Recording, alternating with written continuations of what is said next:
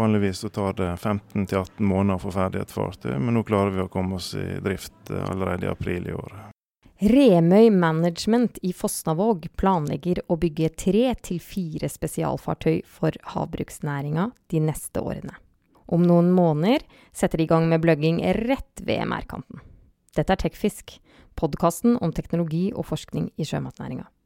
Jeg heter Kjersti Kvile, og nå skal vi høre administrerende direktør Even Remøy fortelle litt om hvorfor de satser på oppdrettsnæringa.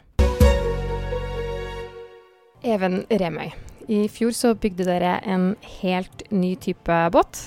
Hva er så spesielt med Volt-prosessor? Volt-prosessor den er spesialbygde for at vi skal sette et avlusingsanlegg på den. En opptil 4 XL-installasjon. Og det har fungert meget bra siden vi kom i drift i august-september i fjor. Hva betyr at det har fungert meget bra, da? Hatt gode resultat, eh, lav dødelighet, og det har egentlig fungert som vi håpte på anlegget. Hvordan har kundene tatt imot den? Nei, Den har vært veldig godt utnytta.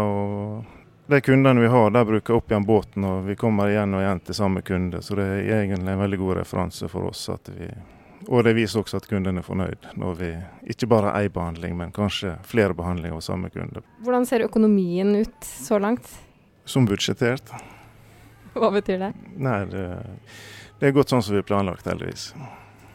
Dere har også såkalt stønn og blid-teknologi. Hva er det for noe?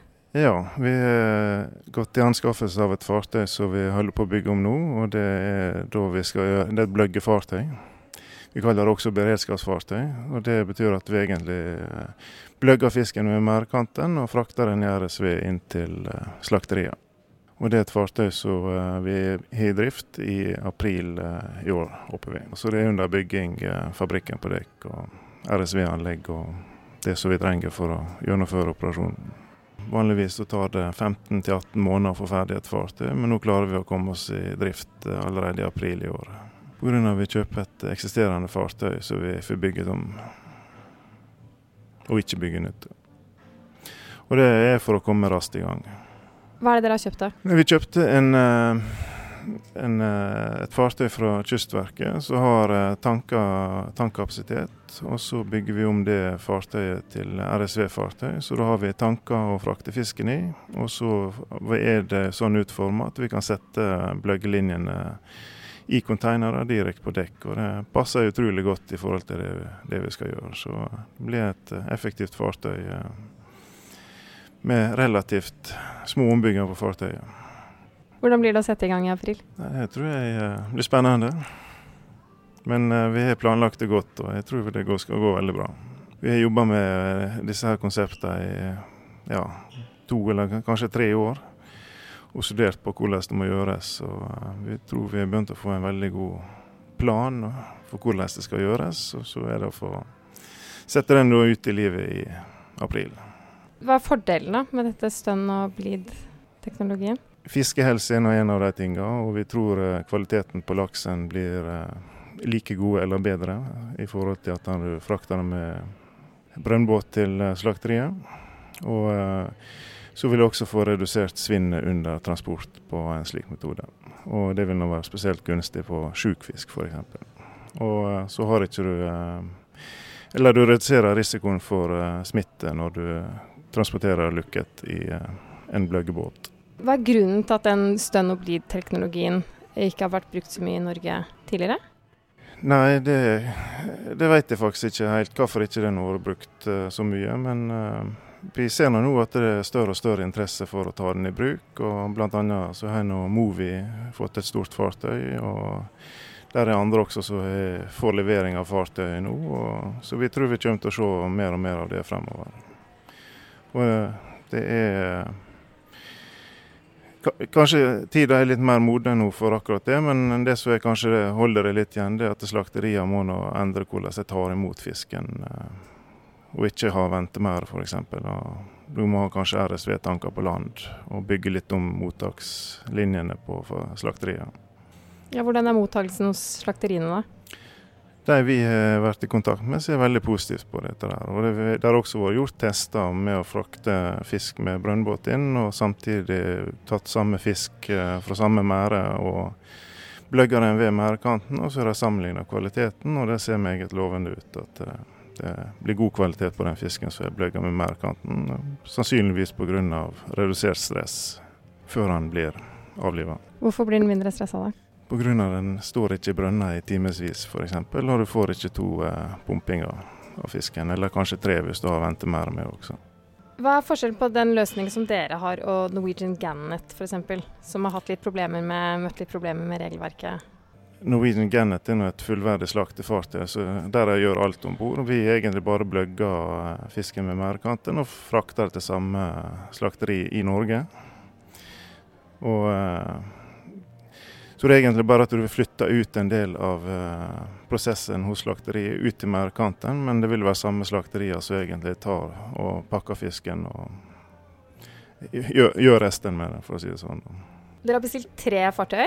Vi har anskaffa ett allerede, og så er vi i prosess med å uh, få bygget uh, to eller tre fartøy til. det. Hva er grunnen for at dere satser på dette her, da? Nei, vi tror dette her er et segment som vil utvikle seg, og da eh, ønsker vi å være i det segmentet. Og vi har stor tro på at bløgging ved merdekanten er noe som eh, kommer til å vokse i tiden som kommer. Det bygges veldig mange oppdrettsfartøy for tiden. Det, kan det bli for mye? Ja, nå har vi erfaring fra andre bransjer, og det vet vi godt at uh, det kan bli for mye fartøy. Men uh, sånn som vi ser det i dag, så uh, er det såpass stor behandlings, behandlingsbehov ute i næringa, og så mye som må gjøres, at vi tror ikke det er metta ennå i Norge, iallfall. Kan du fortelle litt mer om at dere har opplevd det i andre markeder? Nei, de fleste shippingbransjer, eller de fleste bransjer innenfor shipping eh, er egentlig sykliske. og eh, Der er både endringer i etterspørsel og der er endringer i tilbud. Og Hvis vi ser på offshore det som skjedde der, så hadde du egentlig en perfekt storm med at eh, etterspørselen ble redusert pga. lavere oljepris og mindre utvinning. Og så var det byggeboom samtidig. Så da fikk vi en perfekt storm som gjorde at ja, de fleste fikk problem med lønnsomheten i drifta si. Hvordan er det å være sjef i Remi Management i dag sammenlignet med 2016 f.eks.? Nei, det er nå vel en litt mer positiv tone. Det er ikke nedbemanning og legge båter i opplag. Det er heller å få bygge et nytt og øke aktiviteten. Så det er mye mer artig i dag enn det var i 2016. Hvordan ser du for deg at uh, utviklingen for dere i Remi Management blir innenfor oppdrettsnæringa i de neste årene? Ja, Vi har lagt oppdretts, i oppdrettsnæringa satsinga der har vi lagt i selskapet heter World Service. Remi Management er et managementselskap som driver både med kystvakt, eh, kabellegging, offshore og nå også akvakultur. Og jeg tror det vi kommer til å vokse mest innenfor eh, akvakultursegmentet i åra som kommer. Det er en næring som har behov for spesialfartøy, og det tror vi at vi kan bidra med å tilby næringen. Godt drevne spesialfartøy. Du har nå hørt på Tekfisk, podkasten om teknologi og forskning i sjømatnæringa. Du kan abonnere på podkasten i iTunes eller din faste podkastspiller. Spre gjerne ordet om Tekfisk til alle du kjenner. Vi høres igjen. Ønsker du å annonsere i podkasten? Da kan du sende en e-post til annonse krøllalfa så kontakter vi deg for nærmere avtale.